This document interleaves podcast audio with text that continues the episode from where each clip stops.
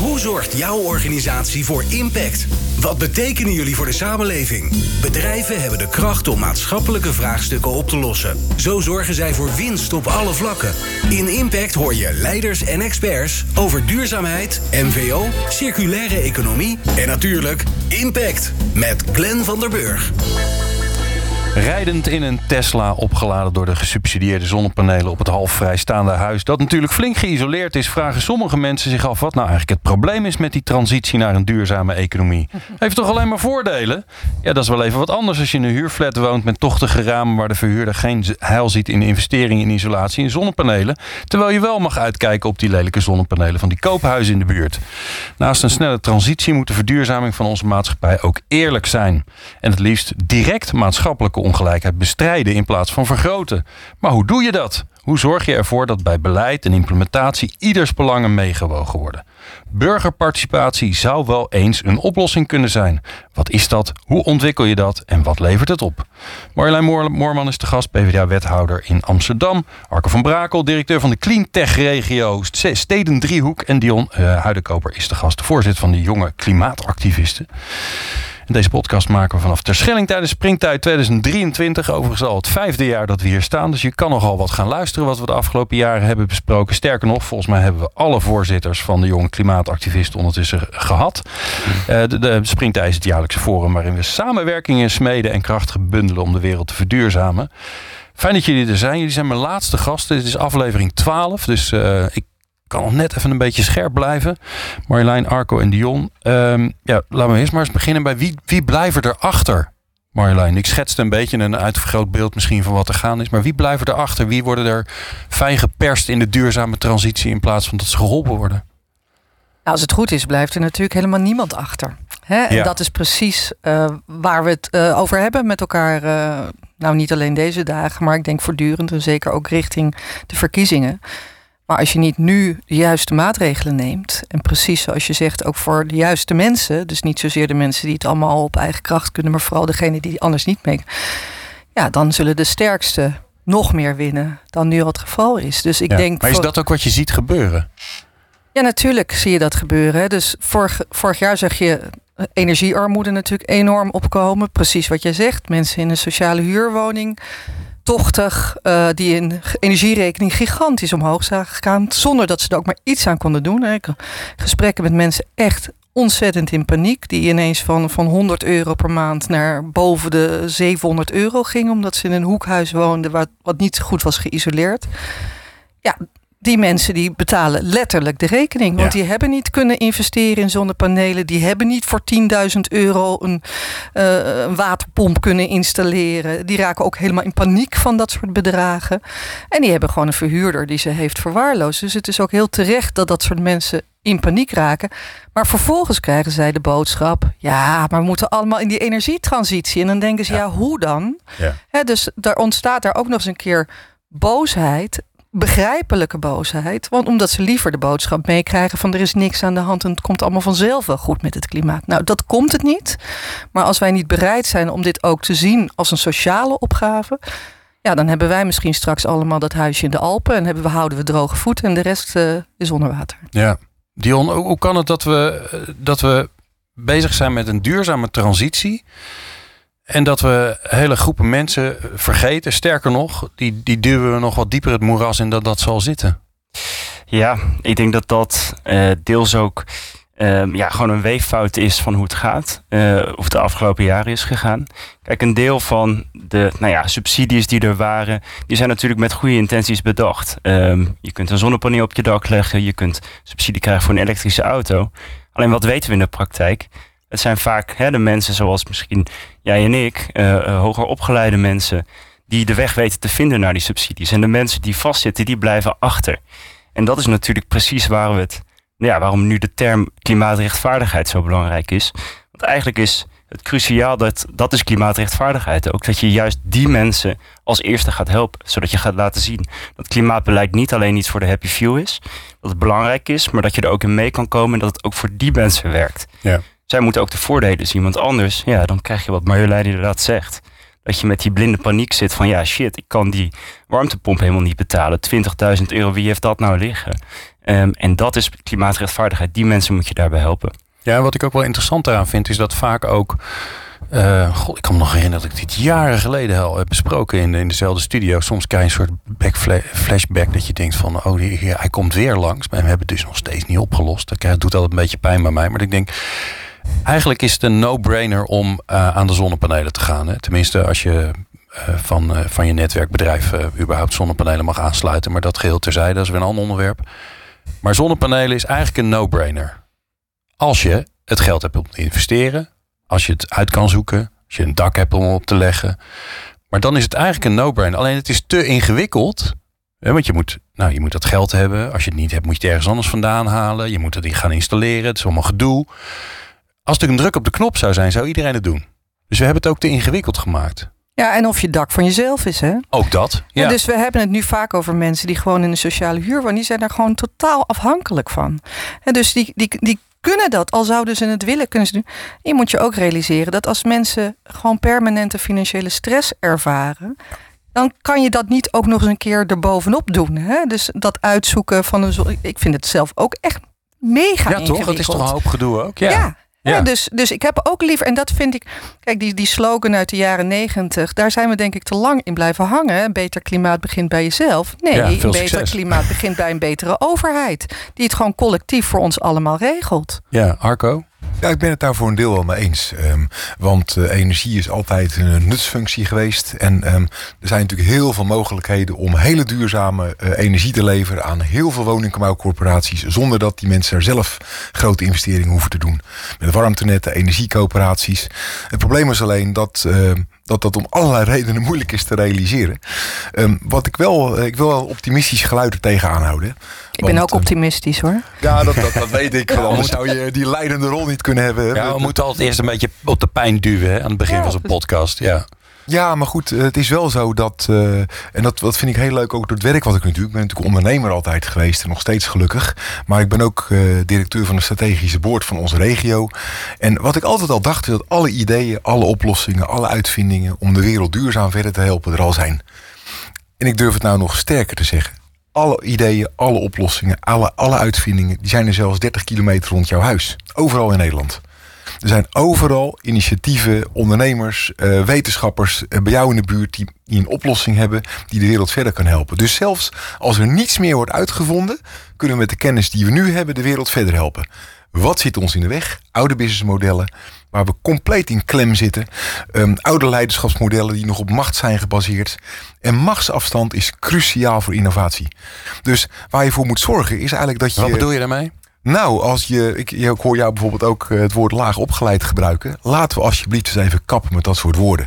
Want doordat er dat soort kwalificaties hangen aan topvakmensen. Die zijn helemaal niet laag opgeleid. Die zijn praktisch opgeleid. Die kunnen iets wat ik niet kan. Die zien namelijk in één, in één oogopslag of een tafelwaterpas staat. Ik niet, kan ik je zeggen. Zij wel. Dus het is een talent wat nodig is. Maar wat wij zo op de kenniseconomie hebben ingezet... dat hoogopgeleid zo belangrijk is... hebben te weinig mensen om überhaupt de zonnepanelen aan te leggen. De warmtepomp aan te sluiten. Ze worden niet geproduceerd in Nederland. Omdat we gewoon de handen niet meer hebben. En dat is wel een probleem. Geldt ook voor de zorg overigens. We hebben te weinig mensen in de zorg. Omdat iedereen het belangrijke vindt dat je kind naar de HAVO gaat, dat hij een vak leert. Nou, je kan echt beter een vak leren inmiddels. Ja, maar dat is heel makkelijk gezegd. Hè? Maar op het moment dat wij mensen niet voldoende betalen, niet voldoende waarderen, hè, dan gaat het dus niet om termen. Dan gaat het gewoon over wat voor samenleving wil je in. En het is gewoon een feit dat op het moment dat jij een MBO-diploma haalt, dat de kans dat jij vast werk hebt met een goed salaris en inderdaad een huis kan kopen later gewoon veel kleiner is dan als jij een universitair diploma. En als we dat soort dingen niet gaan veranderen. dus dat is niet meer waar. Nee, niet als je, als je in de installatietechniek nee, zit. Zeker niet zelfs. Nee, gelukkig, gelukkig. Dit is nog steeds heel erg waar. Hè? Dus als je gewoon kijkt naar de nou, onzekerheid op de arbeidsmarkt. je zegt nu iets wat gewoon niet waar is. Het is ja, een maar het MBO, het MBO is zo breed. Ja, ja in de zorg heb je gelijk. Maar als jij nu een vak leert met je handen, je wordt installateur, je wordt nee, door, je wordt metselaar. Dit is een mooi verhaal van de mensen die zelf de universitaire diploma's hebben en eigenlijk niet kijken achter de cijfers. Want als je gewoon kijkt hoeveel mensen onzeker werk hebben in onze samenleving, dan zit dat nog steeds op de mensen met minder diploma's, die minder lang naar school zijn gegaan. De tijdelijke contracten, zijn ja, die precies, zijn echt evenredig met elkaar. Maar het is dat zijn, nee, maar, laat mij, aan veranderen. Maar laat mij nog wel mijn punt daarin afmaken Deze mensen hebben we niet alleen heel erg nodig, omdat wij inderdaad, als we de transitie doen, gewoon ook die praktische vaardigheden nodig hebben. Maar we hebben ze ook nodig voor het draagvlak. En Dat is eens. iets wat op dit moment dus hebben we zo'n ongelofelijke polarisatie. Waarom? Omdat we helemaal ons niet verdiepen in het leven van andere mensen. hè. Dus ik denk dat een van de redenen dat wij met die subsidies voor zonnepanelen en voor Tesla's, eh, omdat dat, dat zijn subsidies voor onszelf. Hè, dus degene die de keuzes maken, die kijken eigenlijk alleen maar naar hun eigen leven en niet Ja. naar het leven van degene die de beslissingen misschien niet nemen. Ja. Ik wou nog even, want ik wou nog wat anders zeggen namelijk. Eh, ik ben het voor een groot deel met je eens, maar eh, niet over de andere punt, maar daar gaan we het straks over hebben. Ehm, wat ik heel interessant vind van de SDG's, de Sustainable Development Goals, die zullen jullie niet onbekend zijn. Die zijn best wel goed uitgedacht. Er zit namelijk een heel belangrijk fundament in, wat met veiligheid, met eh, basisvoorziening in het leven te maken heeft. Wat je in hele arme landen kunt zien, en daar dreigt het in Nederland onder andere door energiearmoede ook naartoe te gaan, is dat het fundament begint te ontbreken. Het is heel simpel. Eh, Kinderen en gezinnen in hele arme landen, dan kan je het heel duidelijk zien, helaas. Ehm, als meisjes niet veilig over straat kunnen, als kinderen niet naar school kunnen, als papa en mama niet zeker weten of ze morgen eten kunnen kopen, dan gooien ze gewoon plastic weg, dan gooien ze, dan dumpen ze, dat doen ze de meest slechte dingen voor de omgeving, want ze zijn met overlevingsnood bezig. Dan heb je geen aandacht voor de omgeving. Precies. En nu dreigt in Nederland, in Nederland, hè, een van de allerrijkste landen ter wereld, dreigt er een fundament in de samenleving te verdwijnen van algemene basiswelvaart. Maar heel simpel, als jij gewoon amper weet of jij volgende week het ontbijt van je kinderen kan betalen, voor 800.000 kinderen in Nederland geldt dit, dan kun je simpelweg niet je druk maken over zonnepanelen. Exact. Een elektrische auto is niet eens in vragen, want het is gewoon zo ver bij je vandaan. En daar wordt nu aan getornd in ons land. Nou, ik denk dus dat een van de allereerste dingen die je moet doen is zorgen voor brede welvaart, zorgen voor een fundament. Ehm, dat we echt welvaart en welzijn hebben voor iedereen. En Exact. dan gaat die energietransitie lukken. Maar niet als dat fundament ontbreekt. Nee. Daarom Dat kan is het van dus niet zonder belang. elkaar. Hè? Dus is Ja. het inderdaad een sociale opgave om die energietransitie te doen. Ja, nou, een van de dingen die ik al een beetje voorschot opnam in mijn intro is eh, juist ervoor zorgen dat, oh, dat je alle stemmen hoort. En sterker nog, dat je de stem van, van de meeste mensen, want ja, we hebben het hier over nog steeds het grootste gedeelte van de Nederlandse bevolking, die wil op een of andere manier toch eh, slecht naar luisteren. Dat zou burgerparticipatie kunnen zijn. Dat is een mooi woord, eh, maar ik heb eigenlijk geen idee wat het is. Dus eh, Dion, help even. Ja, burgerparticipatie zou eigenlijk gewoon neer moeten komen op luisteren naar je burgers en ze actief betrekken en een stem geven bij, bij het beleid. En wat, je, wat daarbij eigenlijk op de loer ligt vaak, is natuurlijk een beetje het. Ehm, ja, wat je toch vaak ziet, hè, dat je een, een, nou, de politiek een vraag stelt, maar het moet dan vervolgens geen wassen neus worden. Dus nou, wat je bijvoorbeeld in andere landen ziet van experimenten die er eigenlijk worden gedaan, bijvoorbeeld met burgerberaden en burgerfora, is dat het heel goed kan werken op het moment dat de politiek ook zich serieus van tevoren committeert aan die komt. En Ja, ja. daar schort het op dit moment nog heel vaak aan. En dan is het eigenlijk een wassen neus. En kan het ook juist weer tot een gebrek aan vertrouwen Ja. leiden. We hebben twee jaar geleden een aflevering gemaakt over die burgerfora, waar ze in, bijvoorbeeld in Frankrijk volgens mij mee werken. Help ons nog eventjes hoe dat ongeveer in elkaar zit. Ja, daar heeft Macron ook, nou eigenlijk zoals Fransen dat vaak doen, eh, heel groot eh, aangekondigd. We gaan een burgerraadpleging doen. Nou, daar zijn allerlei adviezen uitgekomen. En eigenlijk is het grootste deel daarvan vervolgens gewoon in de la verdwenen. Ja, en dat is dus precies, dan kun je beter eh, het helemaal niet doen. Ja. Want dat is natuurlijk eigenlijk funest voor het vertrouwen in, in de democratie. ja, maar de gedachte daarachter was: we stellen een groep mensen samen, een beetje doorsneden van, van de in dit geval Franse bevolking. En die geven we een ongelooflijk ingewikkeld vraagstuk. En, die, en eh, kom maar met, een, eh, met voorstellen van wat we zouden moeten doen. En wat daaruit kwam, wat ik me nog kan herinneren, correct me if I'm wrong, was dat eh, de voorstellen die eruit kwamen veel diepgaander, eh verregaander waren dan eigenlijk wat de politiek zou durven doen. Omdat die burgers gewoon met elkaar zagen van ja, dit is gewoon super belangrijk. Is dat iets wat in Nederland, wat je, ja, eh, eh, Marjolein, jij, jij bent wethouder in, in Amsterdam. Eh, je zou zeggen ook van ja, burgerparticipatie, dat, dat, dat moet er toch al lang zijn. Hè? Als je dat moet gaan organiseren, dan heb je Ja. blijkbaar iets niet goed gedaan. Democratie is natuurlijk per definitie burgerparticipatie. Maar ehm, dat betekent niet dat je je niet voortdurend wel moet ook, nou ja, ook gewoon de kennis ophalen die er in de samenleving is. Hè? Dus het is niet alleen het meepraten, het is ook gewoon slim benutten van, van de wisdom of the crowds. En ehm, ik herken heel erg wat Dion zegt, dat, dat je al snel wordt het een afvink. dus op het moment dat je besluit, oh, oké, iedereen mag overal participeren, dan, nou, dan hebben we eigenlijk al een plan. En dan gaan, mogen mensen daar wat over zeggen. Dan en dan de gaat inspraakavond. Het, dan gaat het plan toch gewoon door. Ja. En dat is inderdaad funest voor het vertrouwen. Dus als je dit doet, en dat doen wij veelvuldig ook in Amsterdam. Ik zeg niet dat het altijd perfect is hoor, want het is ook soms een zoektocht. Het kan ook vertragen. Maar ja, democratie is per definitie geen efficiënt systeem. Hè? Dus moeten we ook met elkaar gewoon realiseren. Ja. Als je met elkaar ook consensus wil vinden, ja, dan, dan is dat soms een beetje rommelig. Dat moet je gewoon ook accepteren. Hè, dus daar zijn we heel veel mee aan het uh, experimenteren. En het gaat ook heel vaak goed. Maar inderdaad, precies ook wat net werd gezegd. Je krijgt vaak veel extremere voorstellen dan waar je meteen politiek draagvlak voor hebt. Hè? Dus we hebben dit gedaan met klimaattafels in Amsterdam. En dat is ook interessant, want dan zeggen mensen inderdaad. Ja, ik wil inderdaad veel verder gaan, terwijl Ja. wij best wel een groen college zijn, dan Kom op, eigenlijk. kom op met die Ja, windmolens. en dan moet je dat voor. Ja, Ja, maar die kwamen er toch niet. Jawel, dus we zijn Ja, nog steeds bezig. Ja, ja, ja. Oh, het is oké. niet dat dat van. eh, Maar ja, de vraag is wel waar dan? Hè? Iedereen ja. wil windmolens, maar niemand maar je wil ze in zijn niet zien. Nee. Precies, ja. Dus dat is altijd. Maar ook daar moet je af en toe lef in hebben. Wat ik heel interessant vind, is wat ze in Japan doen. Dat heet Future Design. En dan g- hebben ze burgerparticipatie, maar ze eh, hebben de groep opgedeeld in twee groepen. En de ene groep leeft in het nu en de andere groep die leeft in 2050. En ze laten die mensen dus echt denken vanuit... als je in 2050 leeft, hoe moet dan de wereld eruit zien? En, Oh, en mensen moeten zich er helemaal in verdiepen. Die kleden zichzelf op die manier. Dus zodat je echt helemaal... En wat je ziet, is op het moment dat je dat doet... dan pas krijg je echt radicale oplossingen. Omdat mensen denken, ja, ik leef in een wereld die onleefbaar is geworden... doordat mensen nu niet de juiste keuze hebben gemaakt. Dat maakt het echt heel scherp.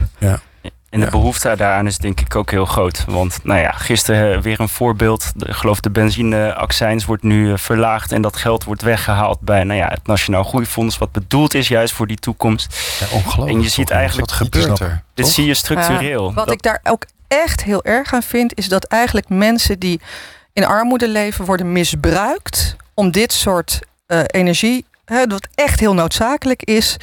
Eh, hè, want uiteindelijk aan de pomp, wie, wie profiteert nou straks echt? Dat zijn echt niet de mensen met een kleine beurs hoor, want daarvoor is de benzine al heel duur. Dat zijn met name de mensen die daar straks met hun grote bakken staan en, Ja. en, en inderdaad het nog even volgooien. Even Dus de SUV het geld gaat naar de Ja. verkeerde kant en het wordt weggehaald bij klimaat. Het wordt weggehaald bij onderwijs. Dus het wordt bij allemaal hele fundamentele collectieve voorzieningen. Wordt het weggehaald. En Omdat- blijkbaar is dit niet controversieel. Dat vind ik dan ook wel weer grappig, toch? Alles wordt controversieel verklaard, maar nee, dit is prima.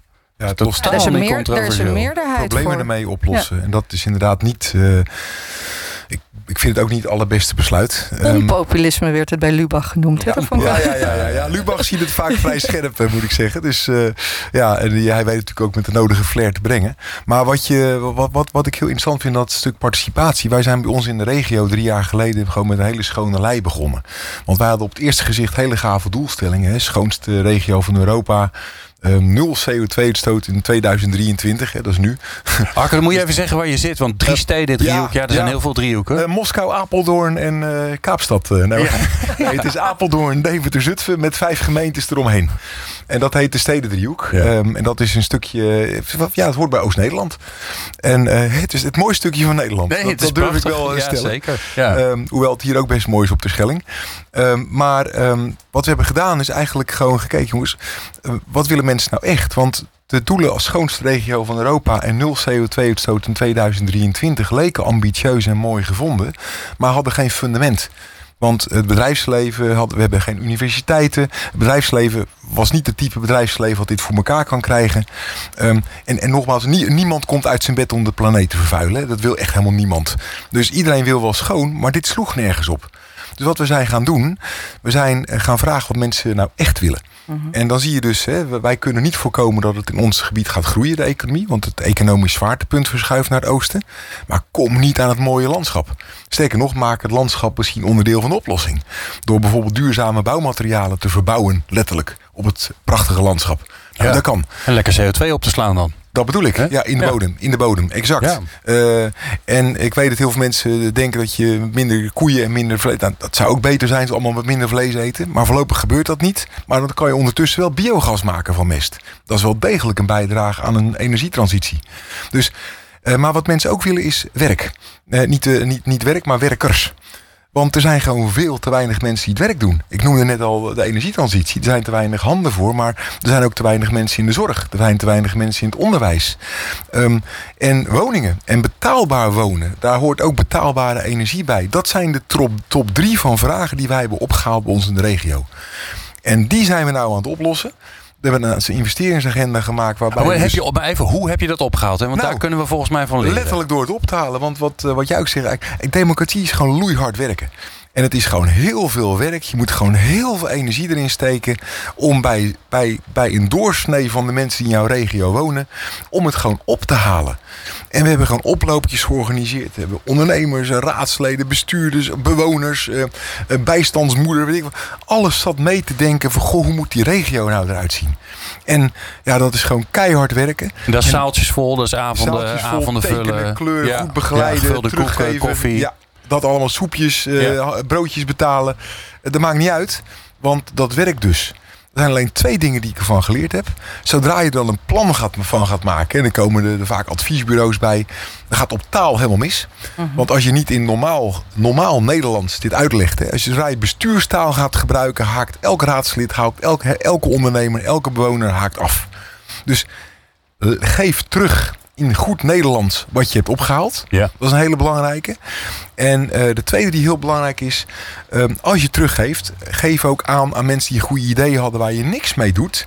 Geef aan dat je ze gehoord hebt en waarom je niet doet wat zij bedacht hebben. Ja dan zijn ze toch gehoord. En je kan niet iedereen tevreden stellen. Want sommige mensen hebben ideeën die nog niet of nooit haalbaar kunnen zijn. Ja. En dingen moeten haalbaar, aaibaar en schaalbaar zijn om ze goed te kunnen uitrollen. Ja. Participatie is niet hetzelfde als iedereen krijgt zijn zin. Hè? Nee, en dat wordt heel vaak verward. Ja, ja. maar wat je vaak ziet is dat het onveilig wordt. Um, als er te veel machtsafstand is, hè, dat mensen zich gedragen als machtshebbers in plaats van als, als onderdeel van de discussie. Dat is een heel groot risico.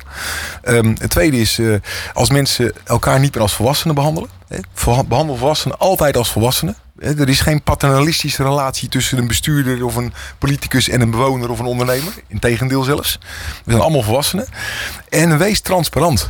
Wees gewoon eerlijk, wees open, hou niets achter. Zodra je iets achterhoudt, is het vertrouwen weg. Ja, maar alleen, ik moest aan die machtsafstand denken, want die is natuurlijk wel. Jij bent de wethouder en dat geeft je al status en statuur.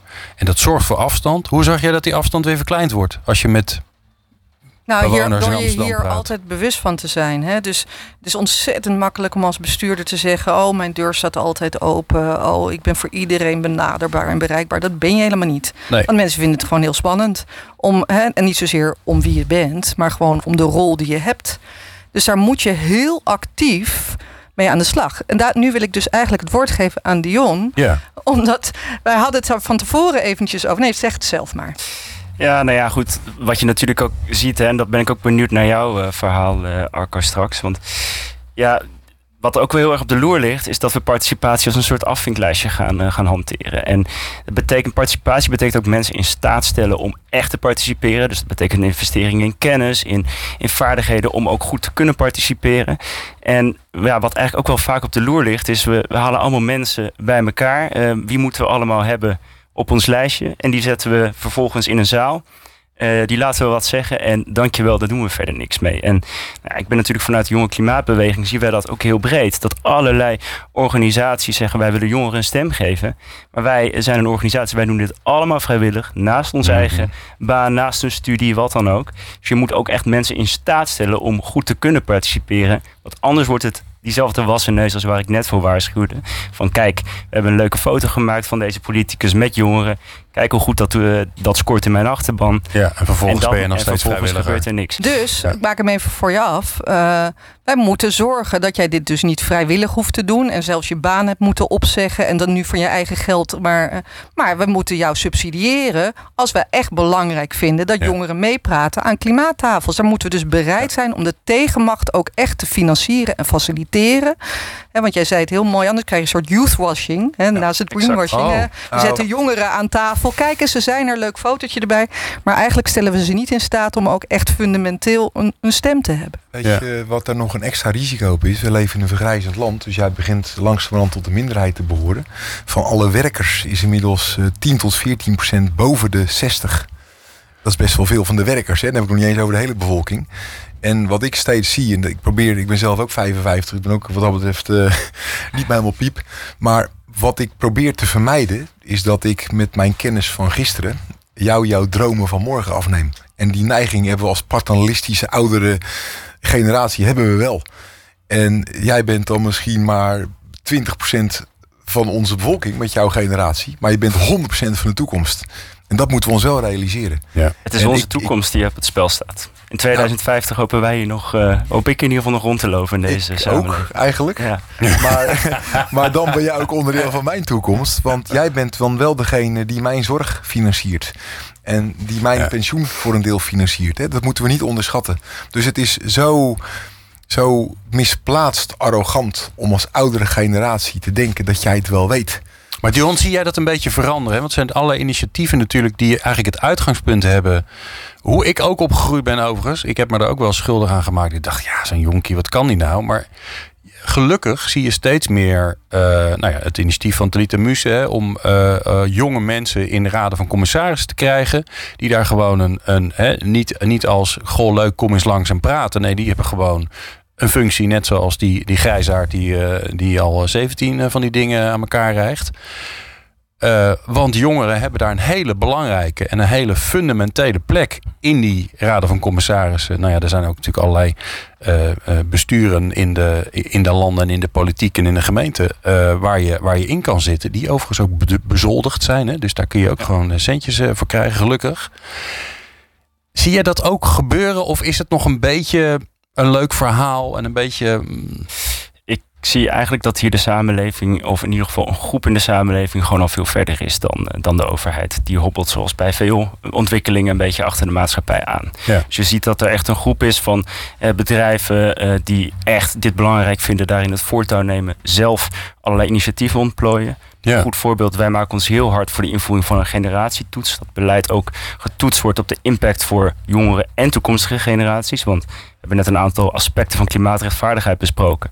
Maar twee aspecten die we niet hebben genoemd is eigenlijk de internationale component daarvan. Hè, maar ook um, nou, is het ook generatiegerechtigheid. Leg je niet een te zware uh, uh, nou ja, leg je niet te veel neer bij bijvoorbeeld deze generatie die nu die transitie waarschijnlijk in zijn bewuste leven en gaat, eh, gaat meemaken. die nog helemaal niet geboren zijn. Hè? Exact. Ja. En um, dat is wel leuk over kernenergie, kernenergie praten. Ik viel van mijn stoel bijna. Je wordt hier springt over kernenergie gepraat en er is niemand die, uh, die met een spandoek klaar staat. Ik dacht echt, we moeten niet gekker worden zeg. Hè? Want ja, daar hebben wij misschien niet zoveel last van, maar de generaties na ons, die ja. zeker wel. Vraag of ze er last ja. van hebben of dat ze er voordeel van hebben. Ja. Technologie is voortgeschreden en ik denk dat uh, Ja, maar ze zitten nog steeds veilige... wel met het afval. Ik wou het zeggen, het blijft ja, maar, maar Dion, ik onderbrak je even af te maken inderdaad. Ja, Dion, ik onderbrak je. Want uh, ja, hier zie je dus ook, de vorige, in het vorige coalitieakkoord stond al dat er die generatietoets zou komen. We zijn uh, nu een aantal jaar verder en er ligt nog helemaal niks. En vervolgens, hè, ik zit in allerlei raden met andere jongeren. En dan krijgen wij allerlei partijen, bedrijven, overheden die ons benaderen. Kunnen jullie ons helpen met het implementeren van die generatietoets? Dus je ziet dus, op allerlei plekken is men verder. En de overheid hobbelt er gewoon achteraan. Ja. En nou ja, volgens mij is dat ook gewoon echt een, een, een, realisatiemoment voor de overheid om te zeggen: jongens, we moeten hier aan de goede kant komen en niet elke keer achter ontwikkelingen aanhobbelen. Ja, en het is, het Herken is jij het, Marjolein? Want jij, jij, bent, ik bedoel, de overheid bestaat uit zoveel facetten, maar jij bent ook een, een overheid. Ik ben de overheid. Ja. Wij allen, overigens. Ja, ja. ja, ja wij leven gelukkig in een democratie, dus het is altijd heel makkelijk om het systeem of de overheid de schuld te geven. Maar de overheid is het gevolg van het stemmen straks weer op 22 november. En vervolgens heeft dat effect. dus alle besluiten die we nemen zijn altijd allemaal politiek. Mensen vinden dat soms. we moeten het niet te politiek maken. Nee, we moeten het juist superpolitiek maken. Want ja. politiek, daar los je uiteindelijk de problemen met elkaar op. En dat, ja. is dus ook belangrijk dat we het daar bespreken. Nog even over. Ik ben heel erg voor die generatietoets. Maar dat is niet alleen in een soort van abstracte verre toekomst ik zie dat er nu gewoon al heel veel jongeren zijn die heel veel psychische stress ervaren. Puur om het feit dat ze niet weten hoe hun toekomst eruit ziet. Ja. Dat, dat, zijn, dat, zijn, dat zijn mijn kinderen ook. Hè? Dus ik heb ook twee dochters van 16 en 14. Dat, dat doen wij dus onze kinderen aan. Mm. Die, die, die twijfelen of ze zelf nog wel kinderen krijgen. Maar, ja, mijn zoon die zegt al terloops tussen neus en lippen door... ik ga geen kinderen nemen, dat Moet kan je, toch niet maken? Ja. ja. dat is echt, een, je hart breekt. Ja. ja. Dus die verantwoordelijkheid ligt dus niet bij alleen maar de jongeren. Dat moeten wij zelf permanent voelen. Ja. En dan niet, hè, niet in een soort van uh, doemscenario's angst. Nee, juist vanuit de gedachte. Wij kunnen dit met elkaar oplossen, maar dan moeten we het ook wel durven en doen. Ja. Ik doe een laatste rondje, want we zijn alweer ongelooflijk in de tijd. En ja, we zitten hier op springtijd. Jullie hebben ook nog allerlei andere verplichtingen om weer op andere plekken uh, mensen te inspireren en tot actie aan te zetten. Uh, of te leren natuurlijk, allebei tegelijk het liefst. Um, snel rondje. Volgend jaar zijn jullie hier weer. Hartstikke leuk. ja, het is, de zon schijnt. Letterlijk schijnt de zon nu. Hopelijk regent het ook een beetje. Die combinatie is altijd fijn. Um, op dit thema, participatie, niemand achterlaten, gelijkheid stimuleren en verbeteren in plaats van verslechteren. Wat heb je concreet één ding wat je voor elkaar hebt gekregen, Marjolein? Nou, in Amsterdam zijn we nu bezig met het isolatieoffensief. Dus we zorgen ervoor dat onze middelen zo goed, echt terechtkomen bij de mensen die het het hardst nodig hebben. Dus er is nu ontzettend wordt er hard gewerkt aan het isoleren van sociale huurwoningen. Zodat mensen ook meteen merken dat werken aan een beter klimaat ook gewoon een betere rekening oplevert. Ja. En dan heb je dubbele winst. Ja, en dan, en dan vraag, ik me, vraag ik me af, moeten ze daar dan nog iets meer huur voor betalen? Of blijft dat lekker gelijk? Dat, dat het liefst nog lager. Ja, dus okay, het liefst ja. wil je dat uiteindelijk de bestaanszekerheid verbetert. Ja. Doordat de energierekening omlaag kan. Terwijl er ook nog eens een keer aan het klimaat wordt gewerkt. Ja, hè. dan heel heb je, goed. ja. En en. En en. Ja, en en. Dat is mooi denk ik. Dion. Ja, ik denk wat corona heeft laten zien is dat als er een grote maatschappelijke ontwikkeling is, dat er ineens heel veel kan. En dat er heel veel urgentie is. En dat mis ik gewoon nog op klimaat. Ik zou heel erg hopen dat het komende kabinet gewoon echt die urgentie naar een soort, nou ja, uh, noodplan voor de komende, een soort masterplan waarmee we die transitie gaan regelen. Ja. En ik zou dan willen meegeven, begin dan bij de mensen die daar het meest hulp bij nodig hebben. Dat is rechtvaardigheid, zo hou je draagvlak. En dat is de enige manier. En wat ga, je zelf, wat ga je zelf voor elkaar krijgen? Want dit is, eh, hier ga je natuurlijk tegenaan duwen, dat snap ik. Nou, wij hebben een hele mooie visie geschreven, de Jonge Klimaatagenda, over hoe Nederland er in 2040 klimaatneutraal uit kan zien. Dus eigenlijk dat toekomstdenken, dat hebben wij al gedaan. En mijn rol is om dat overal bij iedere politicus die ik spreek onder de neus te duwen en te zeggen: wij staan klaar voor die verandering. En nu jij nog. Goed, nou, dan gaan we snel ophouden. Dan kan je Marjolein alvast wat onder de neus duwen. Of misschien heb je dat al gedaan. Is wel optimistisch van hem. Ja, toch, Arco? Ja, zo, echt wel. Arco, eh, volgend jaar, wat heb je voor elkaar gekregen? Nou, sowieso ziet de toekomst mensen als Dion er heel goed uit. Dat is eh, iets waar ik, eh, wat ik echt belangrijk vind. Daar word ik echt blij van. Ik heb volgend jaar eh, de, de fundamenten gelegd voor een investeringsplatform. Om impact-investeringen te doen in onze regio. Ehm, waarbij we niet alleen eh, de- onderdeel van het probleem oplossen. Dat, dat energie beschikbaar, schone energie beschikbaar moet worden voor grote groepen mensen. Dus ook de, de lager betaalde mensen die het hardste nodig hebben. Maar ik wil er bovendien aan koppelen dat wij dat met opleidingsprogramma's doen die perspectief bieden. Omdat het wel degelijk zo is dat vakmensen het niet alleen waard zijn, maar ook nodig zijn om eh, voldoende daarmee te kunnen verdienen. En dat zijn we gewoon aan het doen. En dat gaat ook lukken. Hartstikke goed. Nou, mijn oproep zou nog zijn: eh, als je luistert naar deze podcast en eh, je had al een beetje in je hoofd dat het toch wel verstandig was om een, eh, een jong mens aan je te binden in ergens in je bestuurs-governance structuur en iedereen die snapt wat het is, die, die heeft hem. dan is hij misschien nog nu beschikbaar om hem snel aan je te binden, Dion Huidenkoper. Want ik zou zeggen, voor enkele tienduizenden euro, euro's per jaar wil hij best wel commissaris bij je worden. Zolang er geen belangenverstrengeling is natuurlijk. En dat- stemwijs op 22 Ja, november. en stem überhaupt. Stem überhaupt en stemwijs inderdaad. Zo is het. Dames en heren, Eh, ik dank jullie zeer. Eh, dit was de laatste podcast vanaf Terschelling voor dit jaar. Volgend jaar zijn we er hopelijk natuurlijk weer bij. Even onze eigen marketing doen. Eh, dank je zeer Marjolein Moorman voor je tijd eh, al hier. Wethouder te Amsterdam. Arco van Brakel van onder meer de Cleantech regio Stedendriehoek. Daar in het prachtige Zutphen, Deventer en Apeldoorn. Zeg ik even aan mijn hoofd. Ja. En Dion Huidenkoper, eh onwijs veel succes met je dappere werk. God, wat een held ben je dat je gewoon vrijwillig alles opzij zet om maar te strijden voor het klimaat. Eh, voorzitter van de Jonge Klimaatbeweging. En jij natuurlijk dankjewel voor het luisteren. Als je denkt, god, dat vond ik leuk dit allemaal. Je kunt de afgelopen vijf jaar gewoon weer terugvinden op Impact Radio. Dus eh, luisteren, maar daarna wel in actie komen. Meer afleveringen van Impact vind je op impact.radio.